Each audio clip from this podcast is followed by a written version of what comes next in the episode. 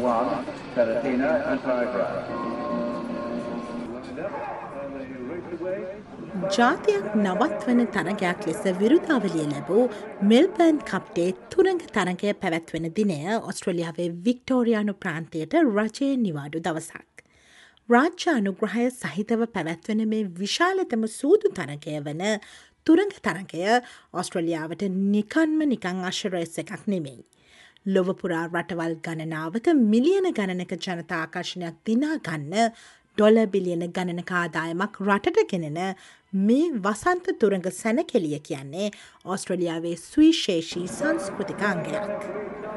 අශ්වරේස් වලට අමතරව රටේ විශාලතම විලාසිතා සැනකෙලියත් මීට සමගාමීව පැවැත්වෙනවා.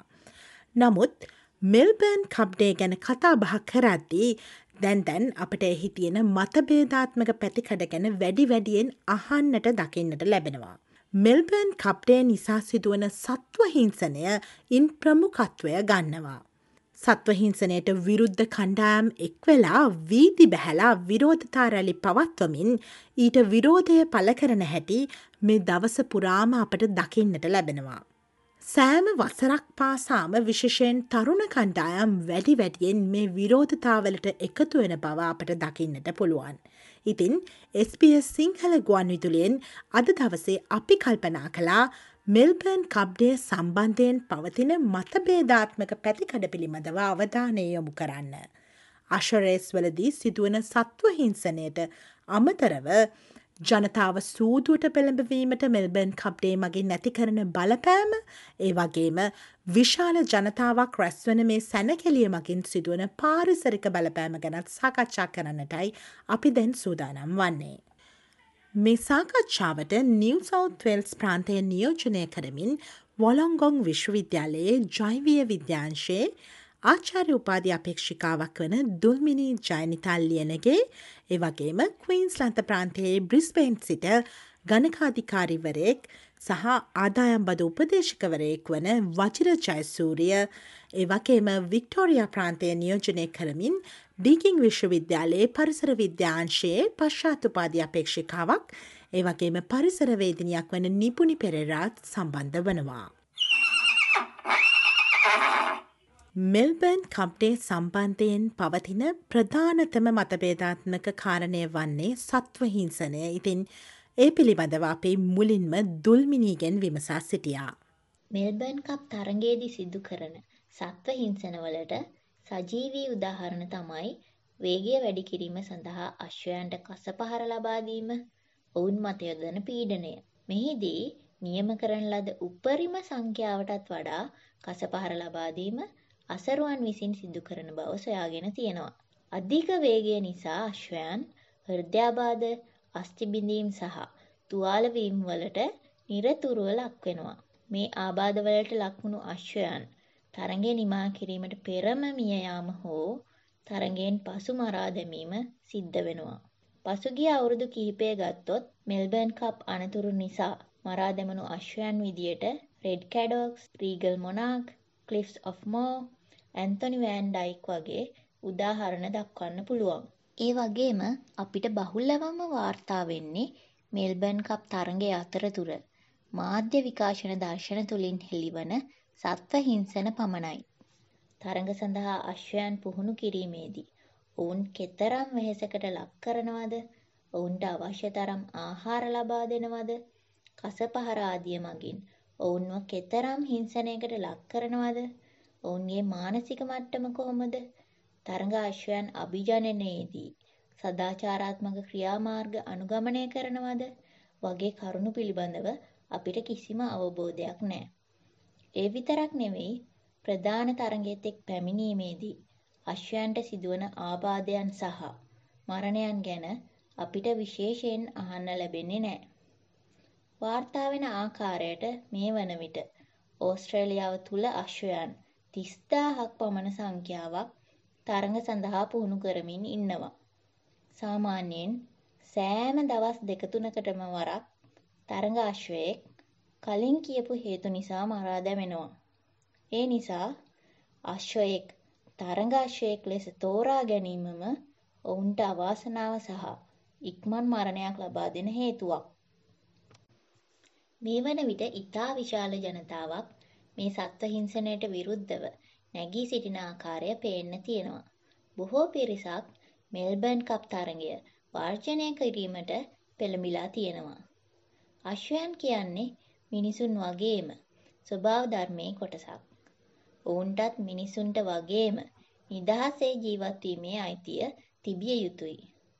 ඒ නිසා මිනිසුන්ගේ දවස් කිහිපයක රසවින්දනය වෙනුවෙන් අශ්වයන් හිංසාවට ලක්වීම හෝ ජීවිතයෙන් වන්දි ගෙවීම අනුමත කළ හැකිද? මේ ප්‍රශ්නය අප ඉදිරියේ තියෙනවා.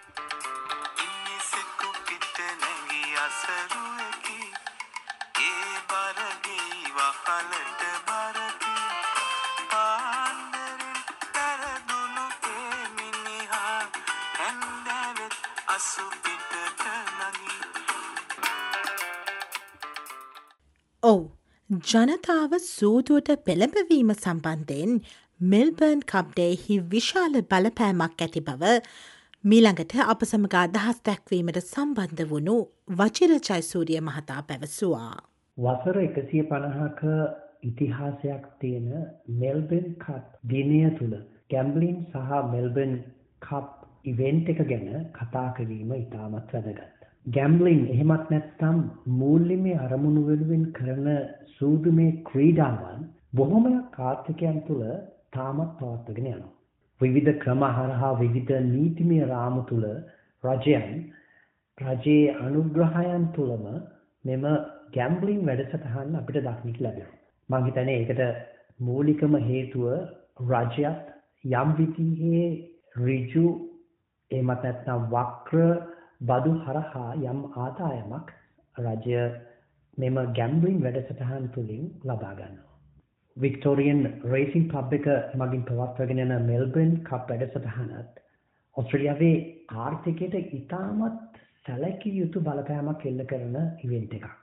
වික්ටෝරියන් රේසින් ක්ලබ් එකට අනුව පසුගිය වසර තුළ මිලියන 421ක ආර්ථික වටිනාකමක් මේ ඉවෙන්ට් එකෙන් උත්පාදනය වෙලා තියෙනවා. විශේෂයෙන්ම රීටේල් ෆැෂන් ගෲමින් ඉන්ඩස්ට්‍රීස් වල ඒත් එක්කම accommodation industry එකේ food and beverage industries වල ඒත් එක්කම entertainment and broadcasting industries හරහා මේ ආදායම වාර්තා වෙලා තියෙනවා.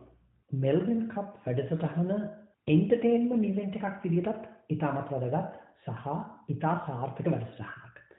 නමුත් ඉන් එහාට මෙම ඉවෙන්ට් එක තුළ පවතින සමාජ සහ ආර්ථික කාරණාවන් ගැටලු මොනවද කියලා අපි සලකා බලන්නත් ඕනේ. මෙල්බන් කප් වැඩසටහන හරහා මිලියන 500ක වගේ ආර්ථික වටිනාකමක් ඔස්ට්‍රේලියන් ඉකොනොමියකට එකතු වෙද්දී මිලියන 100ක වගේ ආදායමක් රජයට වක්‍ර සහ ඍජු බදු මගනුත් ලැබෙනවා. නමුත් මේ වැඩසටහන වෙනුවෙන් සමස්ත ආර්ථිකයම දරන වියදම ඊට වඩා වැඩි. ඔබ දන්නවා මෙල්බන් කබ්ඩේ එක වික්ටෝරියන් ප්‍රාන්තයේ පබ්ලික් හොලිඩේ එකක්. නමුත් වික්ටෝරියන් ප්‍රාන්තය විතරක් නෙවෙයි සමස්ත ඕස්ට්‍රේලියාව තුළම බොහෝ ආර්ථික කටයුතු රාජකාරණය කටයුතු බිඳ වැටෙනවා. අනෙක් අතට රජයට මේ වැඩසටහන වෙනුවෙන් අමතර පොලිස් ආරක්ෂාවන්, ඇම්බියුලන්සස්, අමතර සෞඛ්‍ය පහසුකම් වැනි සේවාවන් ලබා දීමත් ඒ සඳහාත් යම් විශාල වියදමක් රජය විසින් දරන්න සිද්ධ වෙනවා. සමීක්ෂණ වාර්තාවන්ට අනුව ගැම්බලින් වලට සමාජය ක්‍රමානුකූලව නැඹුරු වීමට මෙවැනි මෙල්බර්න් කප් වැනි වැඩසටහන් ඉතාමත් ඍජු බලපාමක් කෙල්ල කරනවා. පසුගිය වසර ගත්තට පස්සේ මිලියන 10.5ක් වැනි පිරිසක් ඍජුව සහ වක්‍රව සම්බන්ධ වෙලා තියෙනවා. මේ ඇතැම් විට හුදෙක් විනෝදය සඳහාම විතරක් එමත් නැත්නම් පිය ප්‍රශය එක නිසා වෙන්නත් පුළුවන්. නමුත් මෙයින් ලබා දෙන නැඹුරුව සුබදායක නෑ. කැම්පලින් නිසා විශේෂයෙන්ම මූල්‍යමය කඩාවැටීම් බෑන්ක්‍රප්සිස් ඒත් එක්කම මානසික බෙඳ බැටීම් මානසික ව්‍යාකූලතාවයන් වැනි විවිධ ගැටලු රාශියකට සමාජය මුහුණ දෙනවා. සමීක්ෂණ වාර්තාවන් ගත්තට පස්සේ මූල්‍යමය කඩාවැටීම් සහ බෑන්ක්‍රප්සිස් වලට භාජනය වුණු පුද්ගලයන්ගෙන් සියට හැත්තෑවක්ම ගැම්පලින් වලට ඇබ්බැහි වුණ පුද්ගලයන්. ඒත් එක්කම ක්‍රයිම්ස් වලට සමාජ අපයෝජන ඩ්‍රක්ස් වලට සම්බන්ධ බොහෝ අය ගැම්පලින් වලටත් සම්බන්ධයි කියලා සමීක්ෂණ වාර්තාවන් හෙළි කළ තියෙනවා. එසේ නම් සමස්තයක් විදිහට මෙල්බන් කප් වැඩසටහන්න තුළින් අපි බලාපොරොත්තු වන ප්‍රතිඵලය සමස්ත සමාජයටම හිතකර ප්‍රතිඵලයක්ද අහිතකර ප්‍රතිඵලයක්ද කියලා විමර්ශනය කරන්න ඕනේ. මෙහිදී රජය සහ අනෙකුත් බලධාරීන් පවා මෙල්බන් කප් වැඩසටහන තුළින් ලැබෙන හිතකර අහිතකර ප්‍රතිඵල ඒත් එක්කම ඔපචුනිටි කොස්ට් එක එහෙම නැත්නම් ආවස්තික පිරිවය මොකක්ද කියලා නැවත වතාවක් සලකා බලන්න අවශ්‍යයි. විශේෂයෙන්ම නවනීති සීමා නිර්ණයකයන් තුළ මෙවැනි වැඩසටහන් ඉදිරියට පවත්වාගෙන යන්න ඒත් එක්කම සමාජයට හිතකර ප්‍රතිඵල මේ වැඩසටහන් තුළින් පාගන්න රජය දක්ෂ විය යුතුයි. අවසාන වශයෙන් අප සමඟ අදහස් දැක්වීමට සම්බන්ධ වුණු නිපුණි පෙරේරා මෙල්බන් කප්ඩේ මගින් සිදුවන පාරිසරක බලපෑම අපට විස්තර කළේ මෙලෙසින්. මෙල්බන් කප්ඩේ මගින් ඇති කරන පාරිසරික බලපෑම් පිළිබඳ අවධානය යොමු කරන විට අපි දන්නවා මේ ඉතාමත්ම උත්කර්ෂවත් අන්දමින් පැවැත්වෙන සැනකෙළිය. මෙවැනි අතිවිශාල නරඹන්නන් පිරිසක් එක්රැස් වන අවස්ථාවක ඇතිවන ප්‍රධාන ගැටලුවක් වෙන්නේ පසල කළමනාකරණයයි. ආහාර අපද්‍රව්‍ය ආහාර සහ බීම වර්ග ඇසුරුම් සැරසිලි ආදිය කාබනික කඩදාසි වීදුරු ප්ලාස්ටික් වැනි අපද්‍රව්‍ය කාණ්ඩ ගණනාවක් දැවන්ත පරමාවකින් එකතු වෙන විට මේ කසල නිසි ලෙස වෙන්කර බැහැර කිරීම ඉතාමත්ම වැදගත් වෙනවා. ඒ වගේම තමයි ජල භාවිතය. තරග පිටියේ නඩත්තු කටයුතු සඳහා විශාල ජල පරිමාවක් වැය වෙනවා. විශේෂයෙන්ම සුළු වශයෙන් හෝ නියග තත්ත්වයක් පවතින අවස්ථාවල මෙම ජල භාවිතය යම් තරමකට හනිදායක විය හැකියි. මෙල්බන් කප්ඩේ ආශ්‍රිතව සිදුවිය හැකි විශාලතම පරිසර බලපෑම වෙන්නේ මෙම සැනකිලිය නිසාවෙන් දහනය වන සහ වායුගෝලයට මුදාහන්න කාබන් ඩයික්සයිඩ් ප්‍රමාණය එහෙමත් නැත්නම් කාබන් ෆුට්ප්‍රින්ට් එකයි. දෙස් විදෙස් විශාල නරඹන්නන් පිරිසක්ගේ ප්‍රවහණය සඳහා. ඒ වගේම තරගාවලිය ආශ්‍රිත විදුලි පරිභෝජනය වැනි කටයුතු සඳහා දැවන්ත ෆොසිලින්දන් දහනයක් සිදුවීම හැකියාව පවතිනවා. නමුත් මෙල්බන් කබ්ඩේකට අදාළ කාබන් ෆුට්ප්‍රින්ට් එක සම්බන්ධයෙන් නිශ්චිත දත්ත අපිට වාර්තා වෙන්නේ නැහැ. මෙම ගැටලුවලට පිළිතුරු ලෙස බලධාරීන් මගින් විවිධ ක්‍රියාමාර්ග අනුගමනය කරනවා. කසල භාවිතය අවම කිරීම එවගේම සැනකෙලි භූමිය තුළ කසල නිසි අයුරින් ප්‍රතිශක්තියකරණය කිරීම වැනි බොහොමයක් ක්‍රියා වැඩපිළිවෙල් ක්‍රියාත්මක වෙනවා. ඒවගේම මෙම සැනකෙලිය සඳහා පොදු ප්‍රවාහන සේවයන් සපයමින් තනි තනි වාහන නිසා ඇතිවන කාබන් ඩයොක්සයිඩ් ප්‍රමාණය අවම කර ගැනීම උත්සාහයන්ද තිබෙනවා. ඒවගේම තමයි වික්ටෝරිය රේසින් ක්ලබ් එක දෙදස් හත වස්සරේ සිට තිරසර වැඩපිළිවෙලක් යටතේ මෙල්බර්න් කප් සැනකිලි සංවිධානය කිරීමේ උත්සාහයන් ගන්නවා. නමුත් අපි දන්න කාරණයක් තමයි මෙල්බන් කප් ඩේ සැනකෙලිය වසරක් පාස්සා විශාලත්වයෙන් පුළුල් වෙමින් පවතිනවා. සහ මෙට සමගාමීව මෙහි පාරිසිරික බලපෑමත් වැඩි වෙනවා. එම නිසා මෙම පරිසරි ගැටලු සඳහාත් උච්චිත විසිදුම් සඳහත් වැඩි අවධානයක් අනාගතය ලබාදීම ඉතාමත්ම වැදගත් වෙනවා.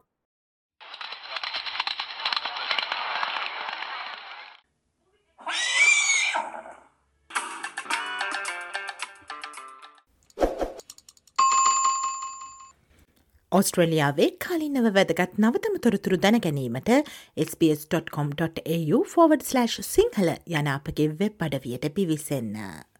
SBS SBS SBS SBS SBS Radio